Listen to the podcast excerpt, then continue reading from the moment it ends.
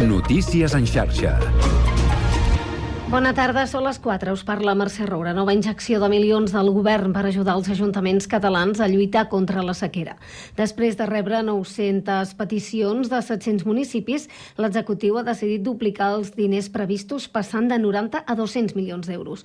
Un govern que en paral·lel ha decidit flexibilitzar algunes de les condicions del pla de sequera. Així, en la fase d'emergència, que podria entrar en vigor a finals de mes, els hotels i balnearis no podran omplir les seves piscines, els ajuntaments podran, sí, finalment, continuar regant els arbres amb aigua freàtica. David Mascort és el conseller d'Acció Climàtica.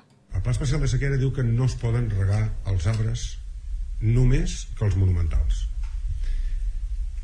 Què fem nosaltres? Modifiquem eh, aquest punt de manera que els arbres dels nostres pobles i ciutats es puguin regar amb aigua freàtica o regenerada que no competeixi amb l'abastament, que no competeixi amb l'ús de boca, eh, perquè tots hem vist els darrers anys quines són les temperatures a les quals arribem a l'estiu tots veiem que les ombres la captació de CO2, etc en les grans ciutats en els pobles són cada vegada més imprescindibles més necessaris i per tant I com us avançàvem ahir, el tancament de dutxes dels centres esportius en piscines s'endarrereix fins a la tercera fase.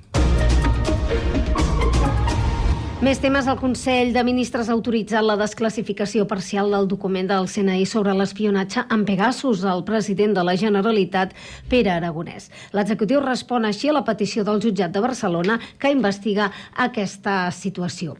Escoltem la portaveu del govern, Pilar Alegría. A día de hoy, este Gobierno, a petición de un juez, lleva a cabo una desclasificación parcial para este pleito en concreto.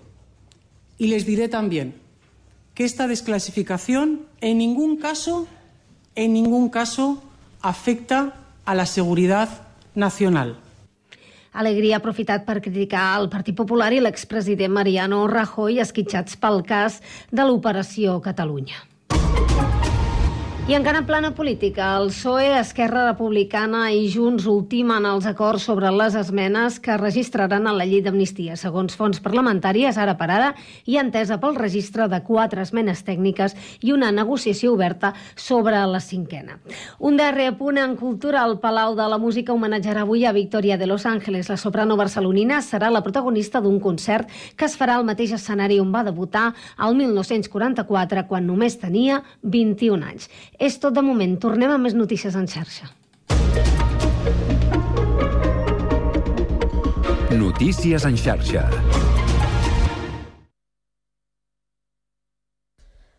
Quatre i tres minuts. Comença el Connectats.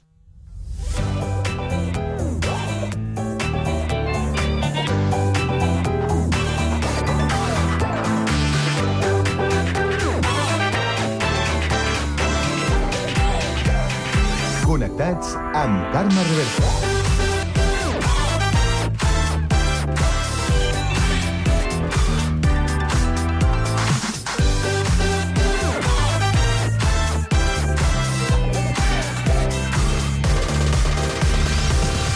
Molt bona tarda, salutacions i benvinguts al magazín de tarda de la xarxa, el Connectats de l'àrea metropolitana de Barcelona, aquest programa que, com sabeu, fem i podeu seguir a través de Ràdio Sant Cugat, Ràdio Sabadell, la Municipal de Terrassa, el Prat Ràdio, Ràdio Ciutat de Badalona i Ràdio Castellà.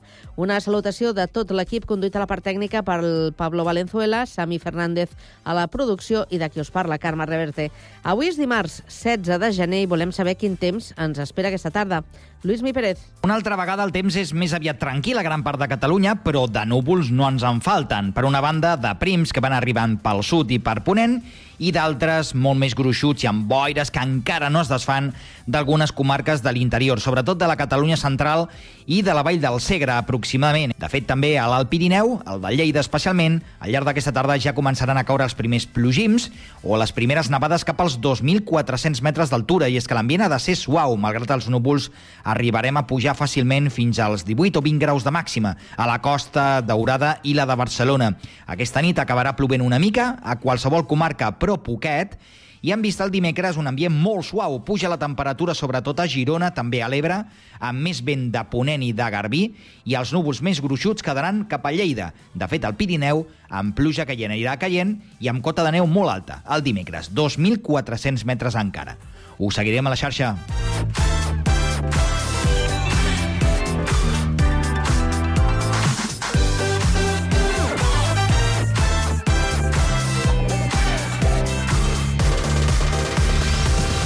Avui al Connectats parlarem dels 50 anys del pont aeri i també del futur de l'aeroport del Prat. Entrevistarem Joan Carles Salmerón, president del Centre d'Estudis de Transport eh, Terminus. Acabarem aquesta primera hora amb la tertúlia generalista avui per parlar del projecte de transversament d'aigua de l'Ebre al Priorat sobre els resultats també de l'enquesta que parla d'igualtat entre homes i dones. A partir de les 5 coneixerem l'actor castellarenc Marc Treserres. Continuarem amb llengua per saber què ens han preparat els alumnes del Servei Local de Català de Sant Cugat. I acabarem amb cultura per parlar de l'estrena de l'exposició de Marc Torrecilla al Calisó Cultural. Tot això i més des d'ara i fins a les 6 de la tarda a la vostra emissora local. Connectats? Comencem. Kiss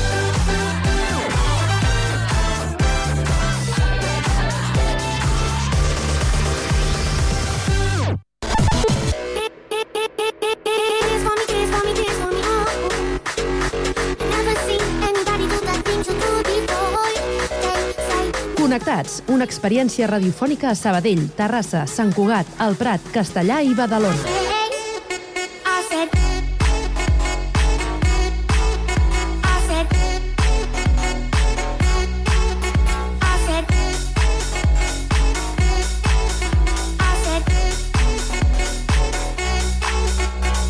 Connectats amb Carme Reverte.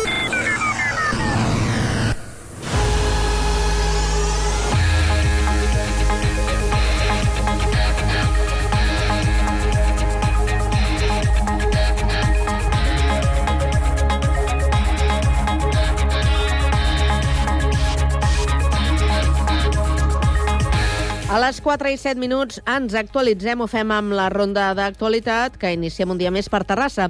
Sergi Estapé, bona tarda. Bona tarda. La patronal terrassenca CECOT vaticina un 2024 ple d'incertesa per la inestabilitat geopolítica, la situació de sequera, els increments dels costos energètics i del transport i un clima electoral a Europa i preelectoral a Catalunya. Un clima que consideren que és poc beneficiós per a les empreses catalanes. En la trobada anual de la patronal amb els mitjans de comunicació, el president Xavier Panés va apostar per un gran pacte nacional de la societat civil que impulsi una reforma de l'administració pública que considera que és molt lenta, ineficaç i excessivament burocràtica. La patronal també demana a l'Estat un pla de 30.000 milions d'euros que realment serveixi per avançar cap a la digitalització empresarial davant del baix impacte que ha tingut el kit digital. A nivell laboral, la CECOT aposta per la derogació de l'Estatut dels Treballadors i l'elaboració d'un nou codi de treball que es debati en la taula del diàleg social amb la participació dels agents implicats. També segueix reivindicant infraestructures per a la competitivitat de la comarca, com la continuïtat de la B40, el corredor mediterrani i la terminal ferroviària i logística de la Llagosta. També denuncia, un cop més, l'infrafinançament de Catalunya. Gràcies, Sergi. Seguim el repàs de l'actualitat ara des de Sabadell. Pau Duran, bona tarda. Bona tarda. L'Aeroclub Sabadell s'ha convertit en un pol d'atracció per a estudiants de fora de Catalunya i l'Estat. Més de la meitat dels alumnes que es formen a les instal·lacions sabadellenques són estrangers. Actualment, entre l'alumnat que es forma a l'Aeroclub, ja sigui com a pilot d'avió o mecànic d'aeronaus, hi ha una trentena de nacionalitats diferents. En especial ha crescut la presència d'estudiants de països emergents. La directora de la institució, Cristina Biosca, ha apuntat un dels motius que fa aquesta oferta formativa tan atractiva. Tots som països que estem dintre de la normativa europea, eh, que és una de les normatives dintre de les llicències d'aviació més ben, més ben valorades, té molt bona reputació. Això què fa? Que ens vinguin alumnes de països sobretot ara molt emergents, com són els països d'Àsia i els països d'Orient Mitjà, que tenen, bueno, doncs tenen un, un, una gran una gran admiració pel tipus d'ensenyança que es fa aquí a Europa. En una entrevista al Cafè de la Ràdio, Biosca no es conforma amb l'èxit actual i considera que encara hi ha marge per créixer. En aquest sentit, ha avançat que estan en negociacions tant amb universitats com amb l'Ajuntament de Sabadell per incrementar l'oferta formativa i incorporar nous cicles i cursos relacionats amb l'aeronàutica. Gràcies, Pau. Abandonem el Vallès. Momentàniament anem fins al litoral i des de Badalona escoltem Andrea Romera. Bona tarda. Bona tarda, Carme. La instal·lació del radar de tram de la C31, que al març farà 3 anys, ha reduït més d'un 50% la sinistralitat al seu pas per Badalona. El Servei Català de Trànsit considera molt eficaç aquest element, que limita durant 3 quilòmetres la velocitat a 80 quilòmetres hora. Tot i això, a l'anell metropolità preocupen els accidents on es veuen implicats col·lectius vulnerables, especialment motoristes. Escoltem Ramon Lamiel, director del Servei Català de Trànsit. Aquí sí que hi ha especial interès en l'àmbit periurbà de Barcelona, no? i per tant inclouria Badalona, on s'acumulen accidents de moto ja no només mortals, sinó de ferits greus, és a la C31, a la C32, tant nord com sud, a la C58, a la B20. Per tant, aquí hi ha tot aquest perímetre metropolità de vies interurbanes on s'acumula sinistralitat de motos. Precisament des del Servei Català de Trànsit aposten per millorar la senyalització vertical i horitzontal de les carreteres, per marcar per on han de fer la traçada els motoristes. També que els conductors complementin els seus permisos bé amb una formació pràctica on aprenguin a dominar el vehicle de dues rodes. D'altra banda, asseguren que estan preparats per aplicar la zona de baixes emissions a les vies interurbanes. Gràcies, Andrea. I ara una mica més al sud, des del Prat de Llobregat, en Rocío Santa Eufèmia. Bona tarda. Bona tarda. Els sindicats del personal de Terra d'Ibèria rebutgen la proposta de la companyia de retallar la plantilla a canvi de crear una empresa d'autohandling que doni servei a les empreses del grup IAG, format per la mateixa Ibèria, així com British Airways i Vueling, entre d'altres. Aquesta és la solució que ofereix l'aerolínia espanyola a la pèrdua de la llicència per operar els serveis de terra a diversos aeroports espanyols, entre ells el del Prat. El pla d'Ibèria seria oferir baixes incentivades a menors de 56 anys i prejubilacions, tot plegat amb l'objectiu de reduir la plantilla amb 1.727 persones al 2027. Els sindicats han valorat positivament la proposta de la creació d'una societat que ofereixi el servei de handling a les companyies del grup, però rebutgen les retallades de la plantilla en els termes proposats per Ibèria. Tot plegat a poques hores que l'aerolínia hagi de donar una resposta a ENA sobre com operarà els serveis de terra a partir d'ara en els vuit aeroports on n'ha perdut la llicència. Demà ha de comunicar la gestora aeroportuària si aposta per l'autohandling o decideix contractar terceres empreses per rebre aquest servei. En aquest context, els sindicats no descarten que pugui haver-hi mobilitzacions com la d'aquest Nadal si no s'arriba a un acord favorable per la plantilla. Gràcies, Rocío. Tornem ara, sí, de nou al Vallès, a Castellà. Escoltem Guillem Plans, bona tarda. Bona tarda. Passen les festes nadalenques, però els pessebres es queden a Castellà. El 19 de gener, a dos quarts de vuit, el grup pessebrista, el centre excursionista i el centre d'estudis s'uneixen per organitzar una taula rodona titulada Pessebres als cims, els pessebres a la Castellassa de Can Torres. Tindrà lloc al local del grup pessebrista. Aquesta taula rodona es durà a terme amb pessebristes i excursionistes implicats en la pujada anual de pessebres a la Castellassa de Can Torres, monòlit situat al vessant sud-est de la Mola. Gràcies, Guillem. Des de Sant Cugat us expliquem que l'equip de govern recupera la Biblioteca Central Urbana que s'ha de construir al Parc de Ramon Bernils. El projecte s'aprovarà al ple de febrer o de març, tot i que no es començarà a construir fins que hi hagi pressupost. De fet, el govern municipal calcula que el seu cost ascendeixi a uns 10 milions d'euros, fet pel qual esperen comptar amb finançament d'altres administracions. Així ho ha concretat l'alcalde Josep Maria Vallès. Evidentment, per tema pressupostari, aquest any, evidentment, no podrem començar, però sí que volem, doncs, el mes de febrer o març, com a molt tard, és portar-lo a ple.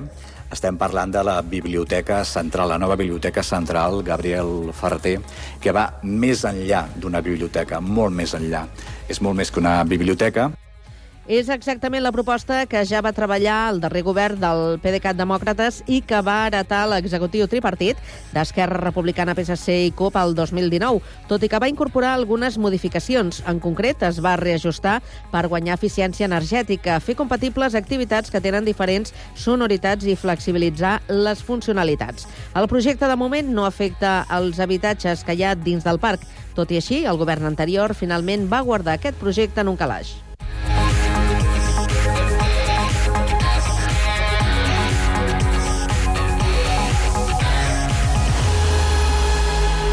A la tarda, no et desconnectis.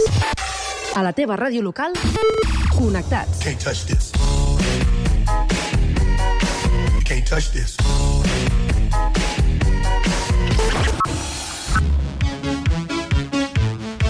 Can't touch this. Can't touch this. Connectats amb Carme Rebé.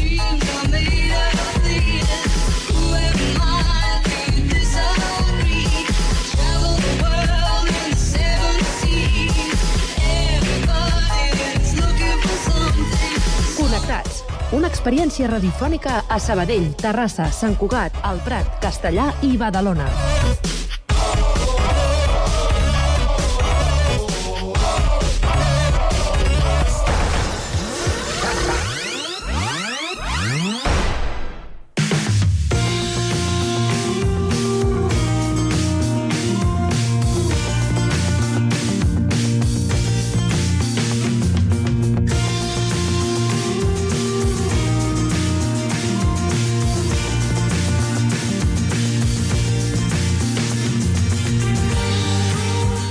Aquesta setmana es constitueix la comissió tècnica que ha d'abordar el futur de l'aeroport del Prat i el proper mes de febrer la del traspàs de Rodalies. Dues qüestions que marcaran l'agenda de mobilitat d'aquest 2024, en un any en què precisament el pont aeri entre Barcelona i Madrid compleix mig segle de vida. Ho abordem tot plegat amb el Prat a Ràdio i concretament amb el nostre company Lluís Rodríguez Alonso. Bona tarda, Lluís. Bona tarda.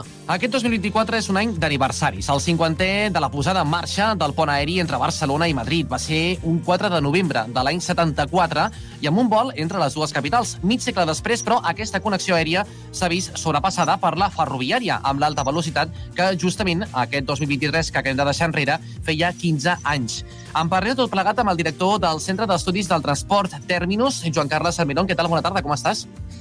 Bona tarda, molt bé. 50 anys al pont aeri, què va suposar això per l'aeroport del Prat? Home, va suposar un canvi molt i molt gran. Hem de pensar que fins llavors, malgrat que la connexió ferroviària era bona, era una connexió ferroviària que requeria moltes hores. En canvi, arribar a Madrid d'aquesta forma tan directa i tan ràpida i amb facilitats, el que hem d'oferir al viatger sempre són facilitats perquè faci aquests viatges va canviar la forma de viatge. Uh -huh. Com ha evolucionat al llarg dels anys, però, aquest pont aeri? Home, hem de pensar que sobretot el, el gran canvi es produeix en, el, en els últims 15 anys. I és que aquesta connexió entre les dues principals ciutats de la península eh, canvia molt amb l'existència d'aquesta competència entre, entre el tren i l'avió, perquè fins llavors eh, només depeníem eh, des de l'any 76 des de l'any 73 fins 74 fins ara només depeníem de, de, de l'avió com un trajecte llarg. I en canvi en canvi l'existència del tren d'alta velocitat quan comença la competència entre, entre tren i avió, això canvia molt i molt les coses. Uh -huh. De fet, amb la posada en marxa de la connexió ferroviària en alta velocitat, eh, que el 2023, de fet, va fer 15 anys, com dèiem, ha anat a la baixa. Durant el 2022, de fet, es calcula que prop del 80% de les persones que viatgen entre Barcelona i Madrid ho van fer en tren. Exacte, i és important valorar això. Al cap i la fi, eh, en aquest moment d'emergència climàtica en què estem, és molt important valorar el paper del ferrocarril en aquestes connexions de llarga distància i com hem de donar-li fins i tot més valor en un futur. Eh, en aquests moments eh, no hem de vèncer a l'avió, això que quedi clar.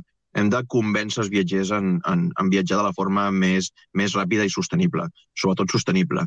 I a l'avió encara juga molt el seu paper en les connexions internacionals.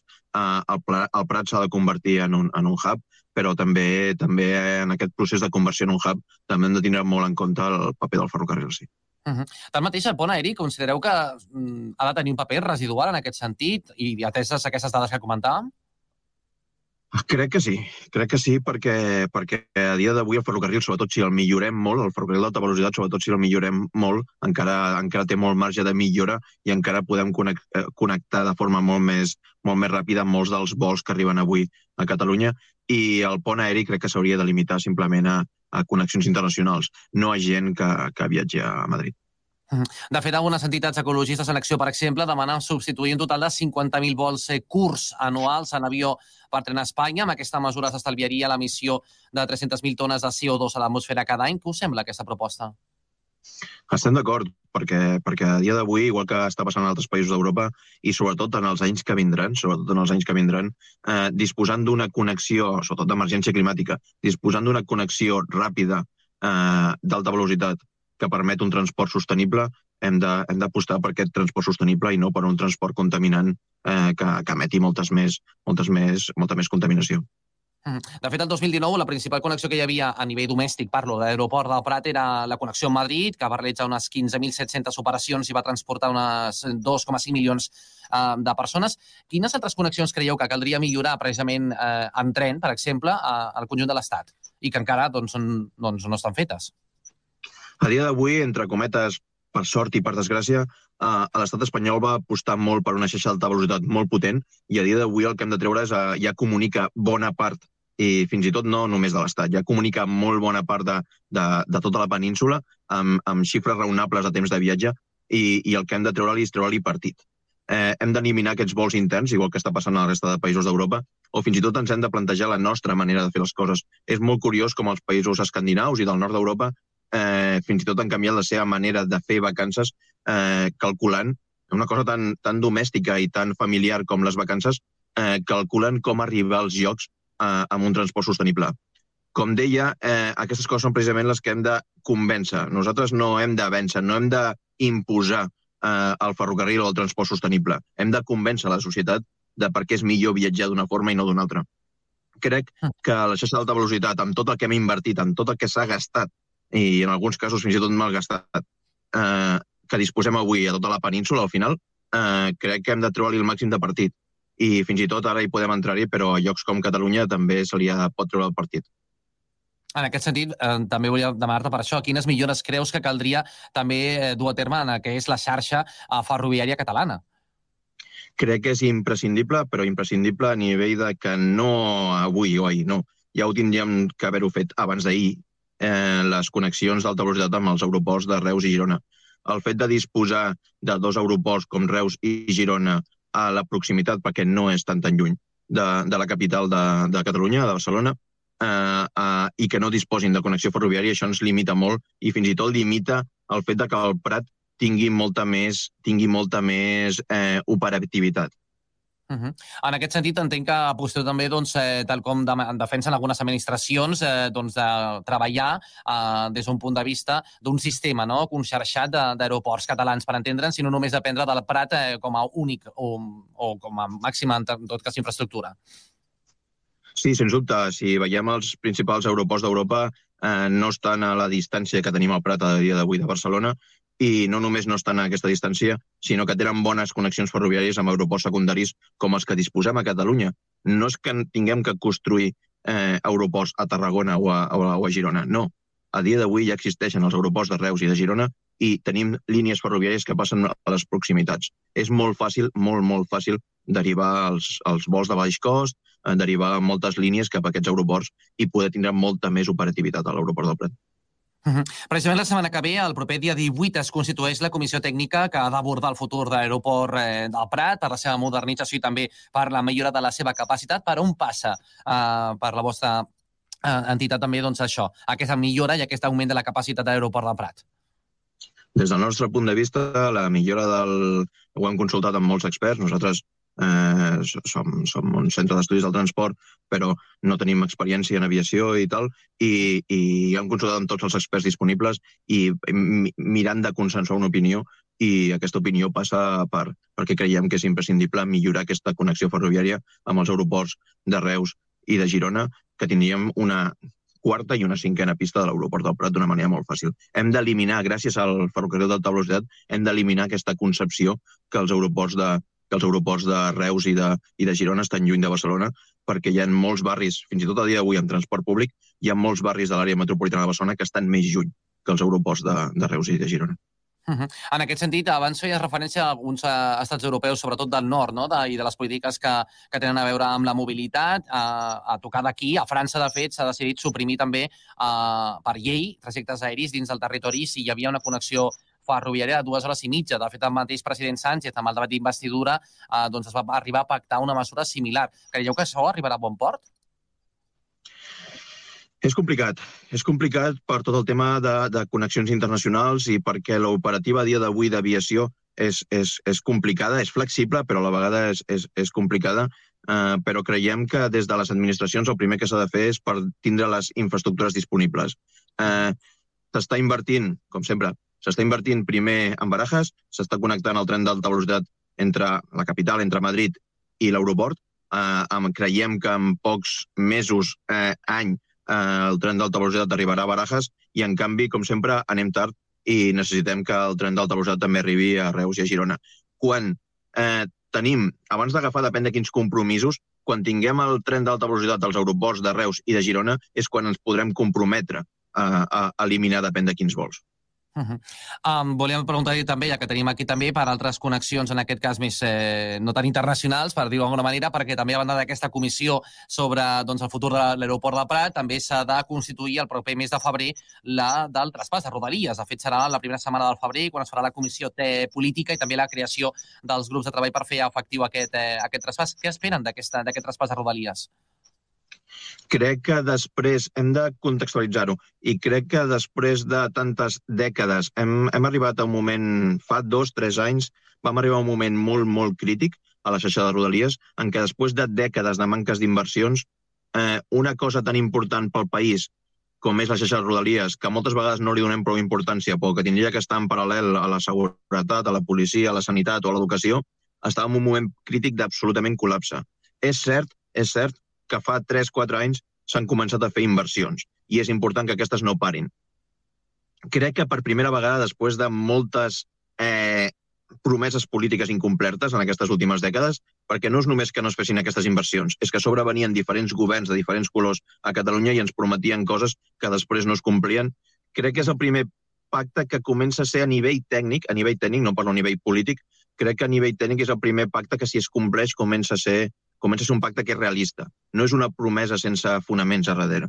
Crec que el fet de diferenciar, eh, que fins ara ens prometien moltes coses, però, per exemple, això que és una realitat de la xarxa ferroviària, no es constatava. Crec que diferenciar entre infraestructura i operador és el primer dels detalls tècnics que ens comença a fer veure que hi ha alguna més a darrere que no només una promesa incomplertes. Uh -huh. En aquest sentit, eh, ja ho feia referència, aquest pla de Rodalies que es porta executant des de fa uns quants anys, però les queixes són contínues també per part de, de les persones usuàries de la xarxa de Rodalies amb els problemes que encara doncs, s'arrossega doncs, precisament per això, per aquest infrafinançament que hi ha hagut eh, al llarg de molts i molts anys. En aquest sentit, eh, quines millores creu que caldria executar de forma urgent a la xarxa de Rodalies? Crec que precisament aquest pla de Rodalies, aquest pla de Rodalies precisament està fent s'està concentrant, precisament a fa 3-4 anys, s'està concentrant no en les grans eh, promeses i en aquelles grans obres que ens havien promès molts cops, anem a construir una línia nova a, a tal lloc, sinó precisament en donar robustesa al sistema. És veritat que els usuaris, i en part tenen raó, és veritat que els usuaris ara pateixen les dues coses. Pateixen tant les últimes eh, conseqüències d'aquestes dècades i dècades de la situació crítica, de la situació dantesca que hem arribat de falta d'inversions, amb l'inici de les obres, que les obres, evidentment, també són afectacions. Mentre s'està fent aquesta millora, també pateixen les conseqüències.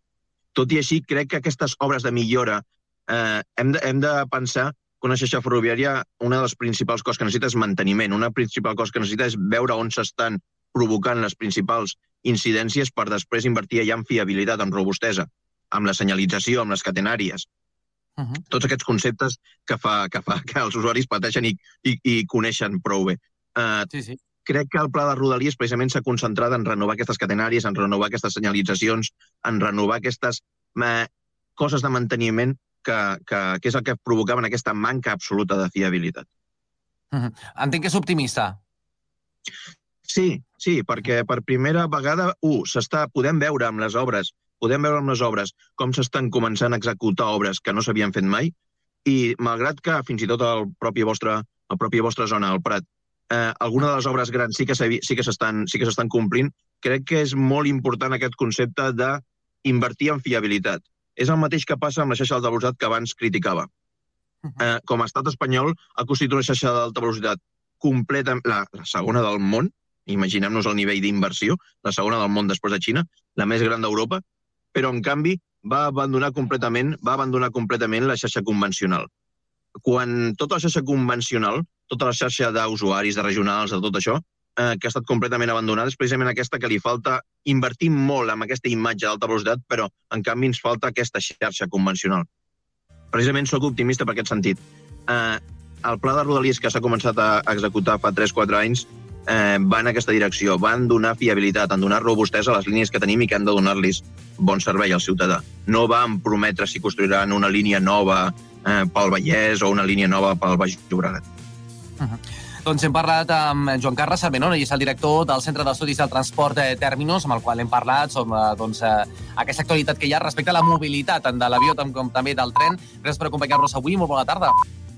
Bona tarda, gràcies.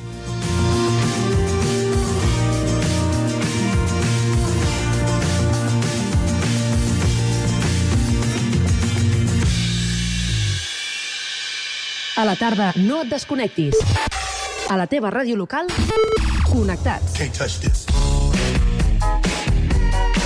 Can't touch this.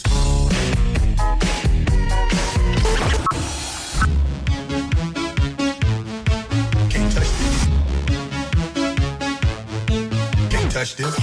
Connectats amb Carme Rebell.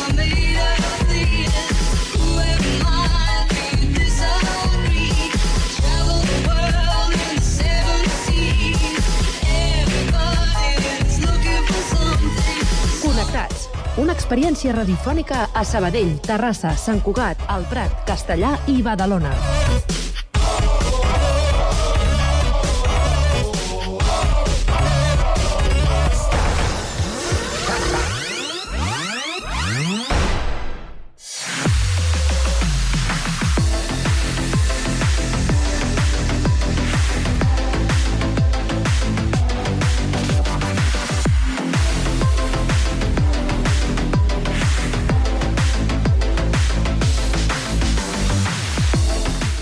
Passa minut i mig eh, de dos quarts de cinc de la tarda i ens disposem ara a obrir aquest espai d'opinió.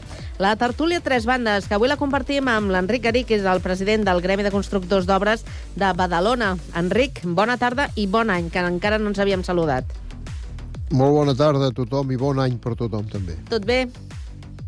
Sí, gràcies a Déu, sí.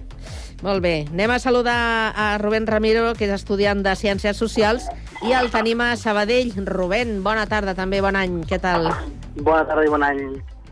Ha entrat bé el 24 o què? Sí, no ens queixem. No ens queixem, no? No hi ha, no hi ha massa moment. canvis. Molt bé. I l'últim a entrar en la tertúlia és el Juan Merino, que és activista eh, i jubilat. Juan, bon any, bona tarda. Bona i bona tarda. També el 24...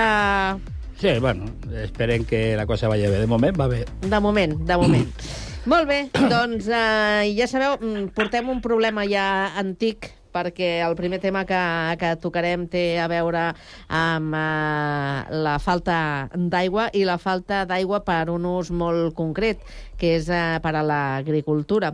I com que hi ha situacions que són realment eh, complicades, el govern eh, se, les, mm, se les està, podríem dir, empescant per, eh, per fer que arribi aigua allà on ho requereixen, com és, per exemple, la comarca del, del Priorat. Hi ha un projecte, de fet hi ha dos eh, projectes eh, que s'hauran d'aconseguir en el termini dels tres pròxims anys per portar aigua de l'Ebre per poder regar vinyes i oliveres d'aquesta comarca. Eh, això, de fet, és una solució puntual per una situació concreta. El problema de l'aigua continua sent el mateix de, de sempre. Però què, què, què és el que vosaltres eh, veieu en aquestes solucions concretes, puntuals, per casos com, com aquest que ara Toquem. Bé, pues, pues, aquesta solució ara mateix eh, ja ho estan dient, no? Trigaran un parell d'anys o tres no? en fer-lo. Eh? O sigui que no és una solució puntual per ara. Eh, eh, este, estem fent les coses el mateix que se va fer al, al 8, no? Al 2008. Eh, Bueno, d'aquell van quedar la desaladora, eh? Després havia més coses i no van fer res més, i ara estem fent una cosa, ara quan, quan ja tot, tot això tenia que estar fet, els estudis tenien que estar fet de les necessitats, i, i com estava, com ja es preveia en el temps, i no han fet res, o sigui, jo penso que... Anem continue- tard, no? conti, continuen, continua malament, malament. Eh, avui al matí eh, la, la, la, conferència, la Confederació de l'Arbre Mm. ja ha posat el grit en el cel que diu que això és un trasbase i que això res. O sigui, ja comencem, o sigui, i luego, des, bueno, hi ha moltes coses, ja parlarem de banc. En, pri en principi semblava que no, ningú no aixecava la veu, però Sí, com sí, no, que però això, efectivament, ja. això ha d'estar validat per la I, i aquí hay que Confederació. parlar de moltes coses. Exacte. Eh, Enric, Eh, bueno, avui vinc amb ganes de d'esplayar-me, eh? Aviso. a veure. A, a veure, anem tard i malament, com sempre. Fa exacte. anys, anys, anys que hi han fuites per tot arreu, per Catalunya, i ningú les arregla. Què esteu esperant a arreglar les fuites? Ara sembla que les arreglaran. De fet, els Les ajuts... arreglaran. Els, els, Parles- han duplicat els Parles ajuts, eh? en futur, en futur. Sí. Jo en parlo en passat. Sí, sí, parlo sí, de sí, 15 sí. anys passats, eh? Uh -huh. Dos, punt, segon punt. Vivim en un planeta que es diu Terra. Que sabeu el que hi ha més? Aigua. Escolta, ja ho sé que és salada, molt bé. Fem desali desalinitzadores i quan el Mediterrà quedi sec ens comencem a preocupar, que és el que, us, el que han estat fent fins ara. Quan les pantans se'ls hi han quedat buits, és quan s'han començat a preocupar de oh, que no hi ha aigua, que no hi ha aigua, que no hi ha aigua. Doncs pues mireu, voleu que us digui les coses clares? N'estic fart de que em passin a mi el problema. El problema no és meu, el problema és seu que m'han de vestir d'aigua. El problema meu, sabeu quin és? El pagar el rebut de l'aigua. Ho enteneu? Que em diguin a mi que no malgasti aigua, doncs fins a cert punt hi estic d'acord. Però vull dir, hi ha massa gent que està vivint del cuento aquest de l'aigua i no foten res.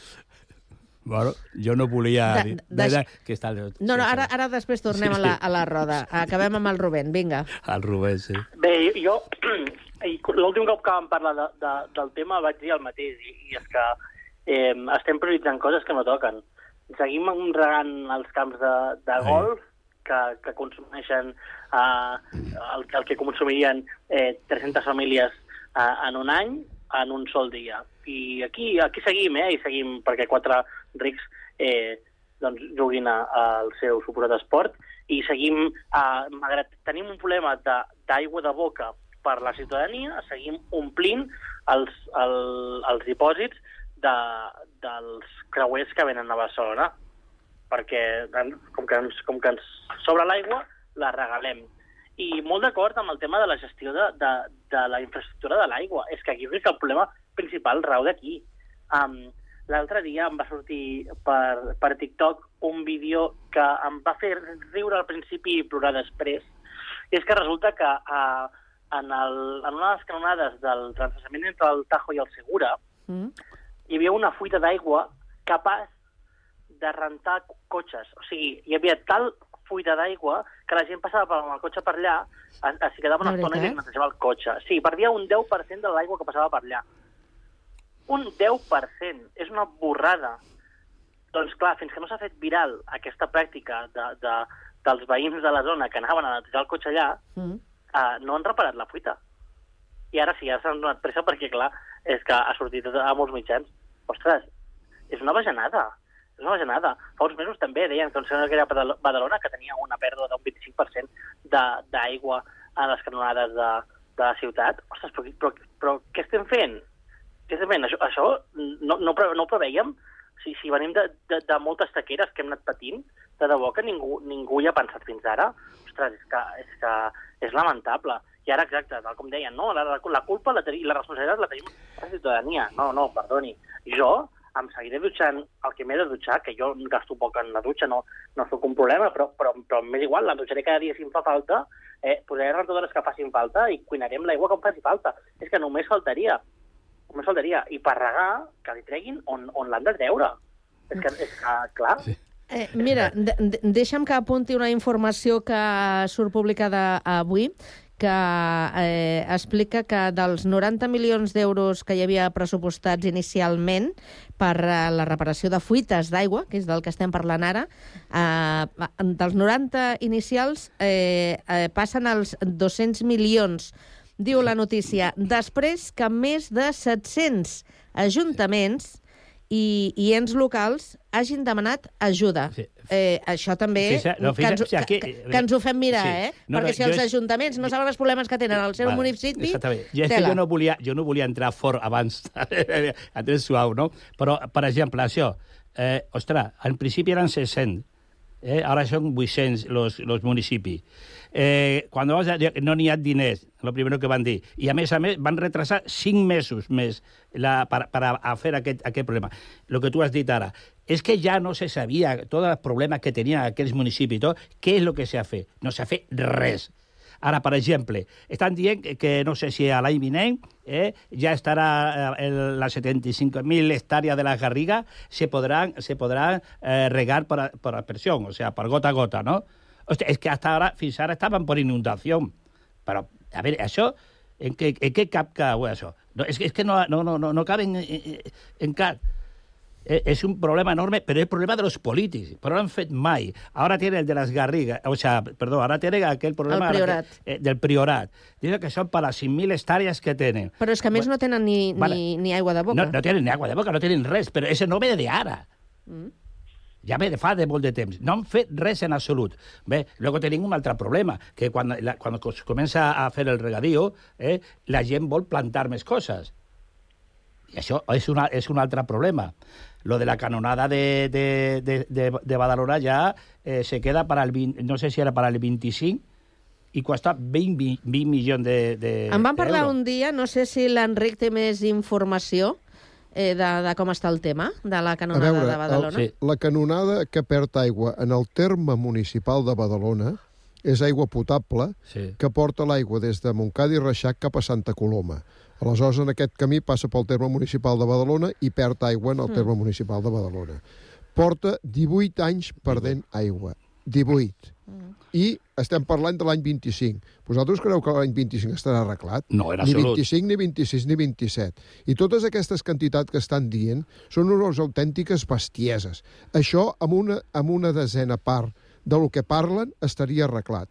El que passa que no sé per quin motiu no volen arreglar o no sé quanta gent s'ha d'embutxacar diners, perquè ja n'estic cansat de tantes històries, de tantes taques, de tantes eh, històries d'aquestes.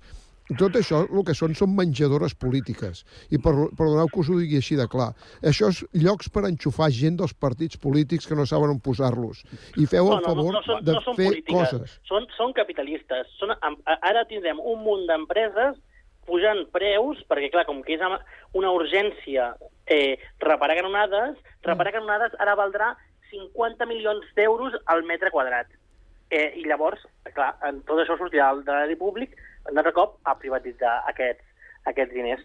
I, i, i, i parlem de, de l'aigua de, de les canonades, però hi ha, hi ha coses també bajanades bastant heavies que, que, que em sorprenen que encara no s'hagi intervingut. Per exemple, tenim empreses explotant aqüífers, eh, mm, o sigui, aigua de, de, de les muntanyes, eh, per exportar-la. O sigui, estem permetent que hi hagi empreses que embotellin aigua Sí. al Montseny, a Ja, Viladrau... ja fa temps, eh? a- Tal, Ja fa temps d'això.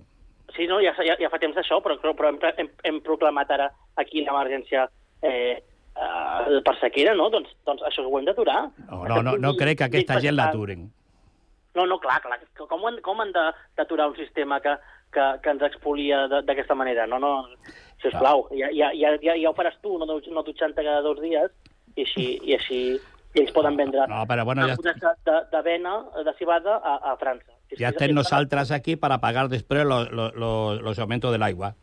¿eh? Exacto. A nosaltres tenim que fer los sacrificios i ells se, venen, se llevan los beneficis.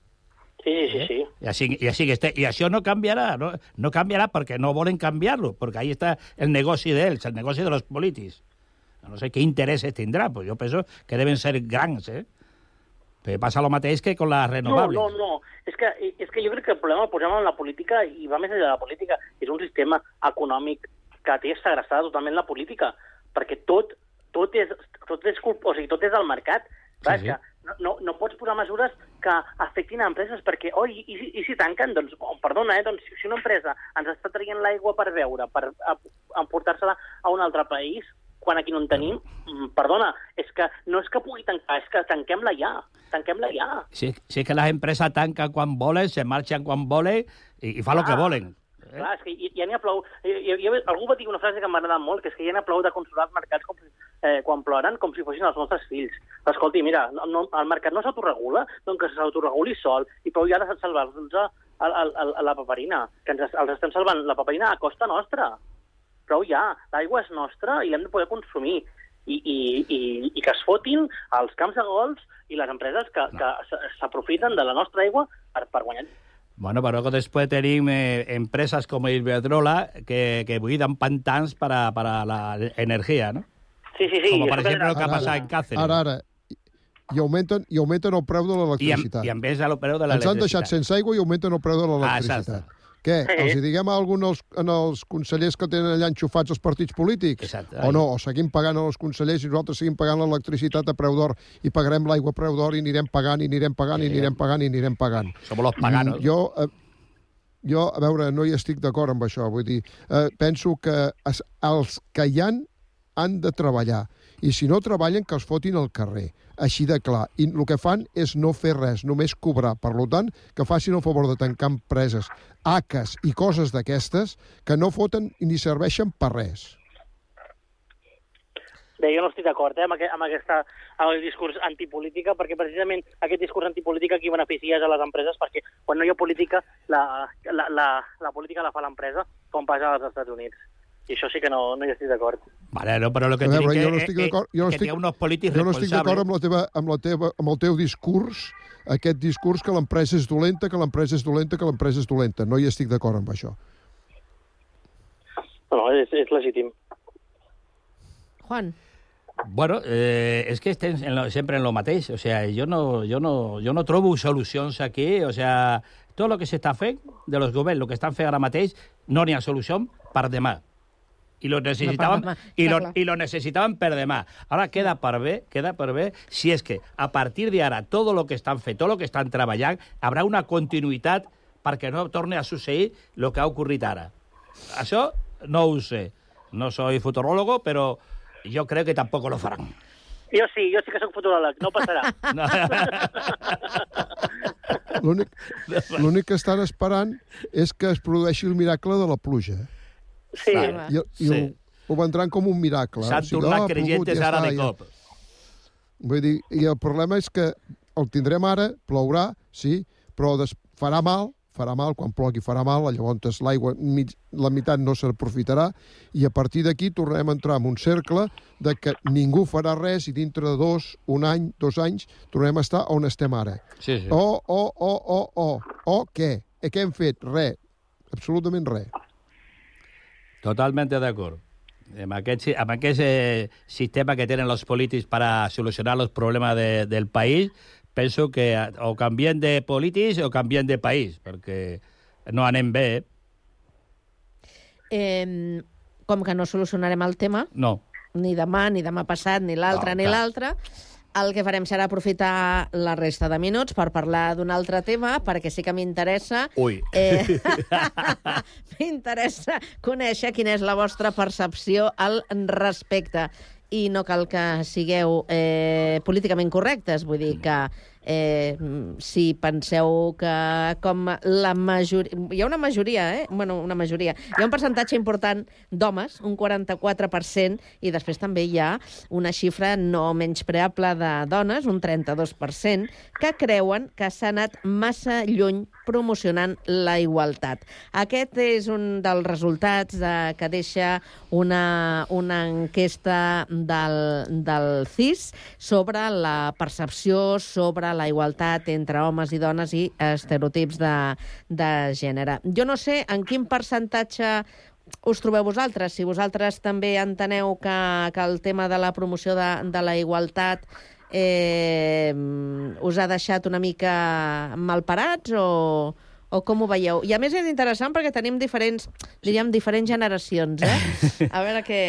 Home, yo, yo creo que, bueno, por lo que a mí respeta, eh, yo creo que se necesitaba el avance, eh, después de la dictadura, todo lo que ha habido, la transición, todo, eh, el avance de la mujer, que la mujer... Eh, eh, bueno, se emancipase, la mujer com començés a treballar, eh, que se posés també a la, a la nostra altura.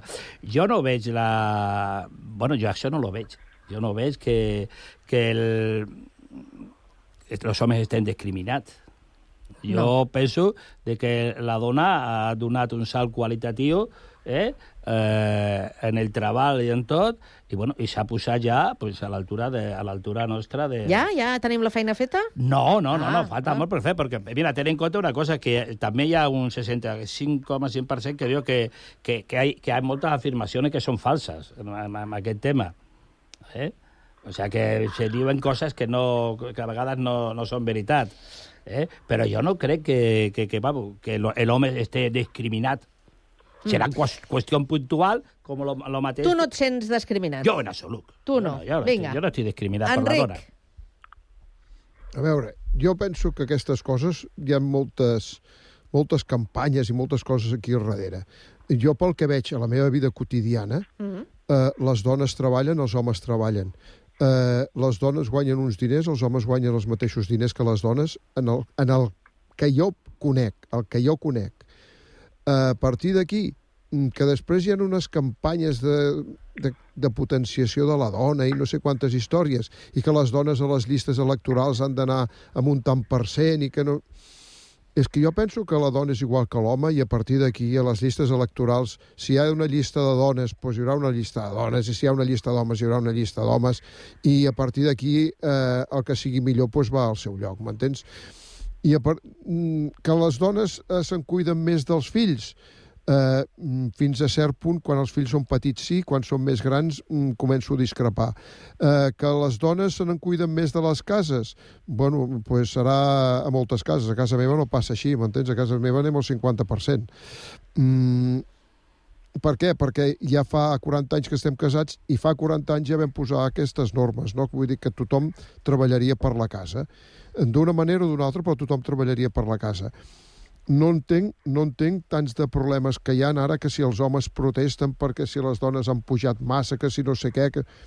Escolteu-me, espavileu ja d'una vegada, tant els homes com les dones, i pareu de plorar. Que el que feu és només plorar, home. Ah, L'Enric és un privilegiat, eh? Sí, sí. A Un veure... privilegiat o no, o no, m'entens? O No, no, però és que, a veure, les coses són, són fàcils. Eh, el que passa és que, bueno, hi ha situacions que són complicades o es fan més complicades. Rubén, us explicaré, us explicaré un detall, Aviam. us explicaré un detall només. tu... vinga. Quan em vaig casar, jo tenia molts mocadors de roba amb les meves inicials. Ah. I la meva dona em va dir, diu, escolta, jo mm, no penso rentar ni un mocador, eh? A mi em fa molt de fàstic, vull dir, agafa mocadors de paper, eh? si vols mocar-te. Fa 40 anys que vaig amb mocadors de I paper. qui te'ls va brodar? I els mocadors de la meva àvia que em havia regalat cada any amb les meves inicials estan guardant a la tauleta, a la tauleta de nit, eh? Ah. I fan goig. Mira. O, La o Joa- la m'adapto a això, També o... podies haver rentat tu, eh? El què? El què? Els mocadors. Sí, jo me n'encarrego jo me n'encarrego de la rentadora i d'estendre la roba, perquè a casa meva estenem la roba. No tenim assecadora, sinó que estenem la roba a l'aire lliure, Ah, perquè aprofitem fantàstic. el clima que hi ha a Mediterrà.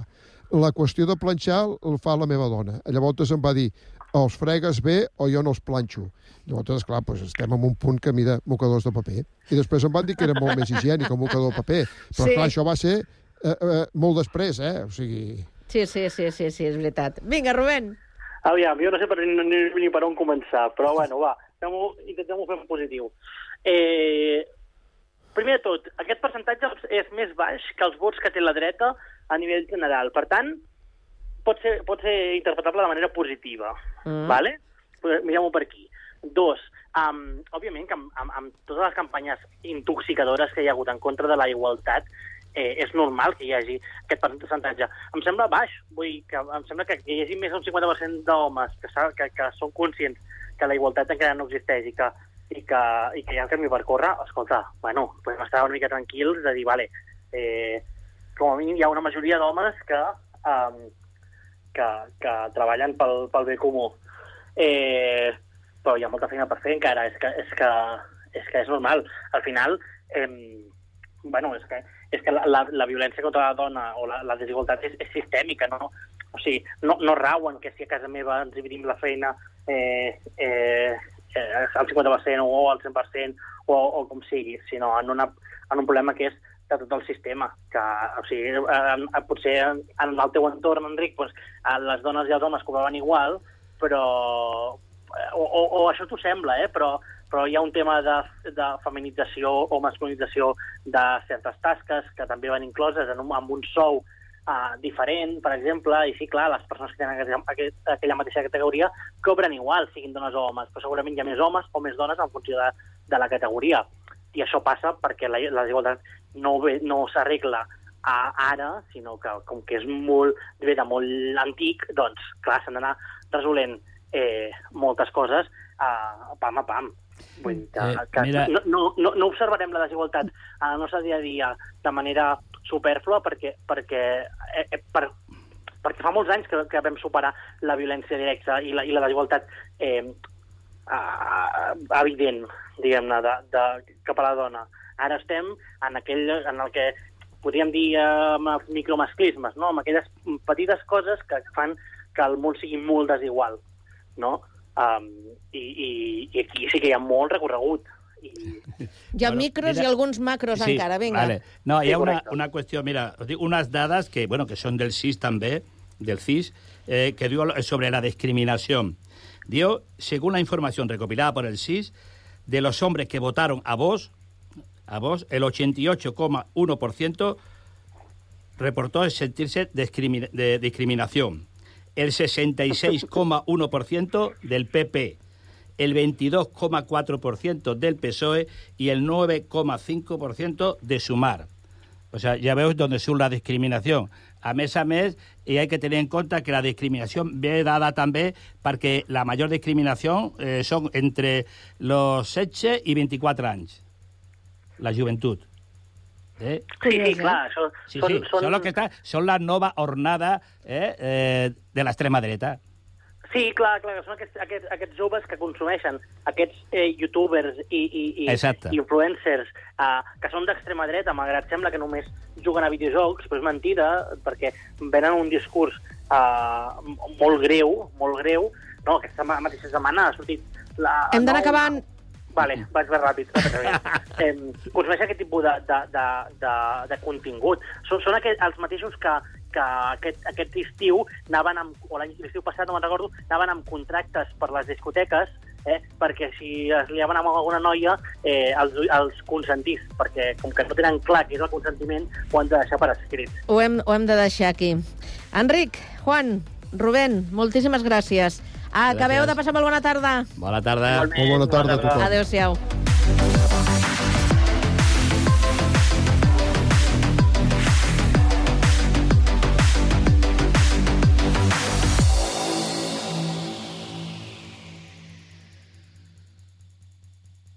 La música més propera a tu a Ràdio Sant Cugat.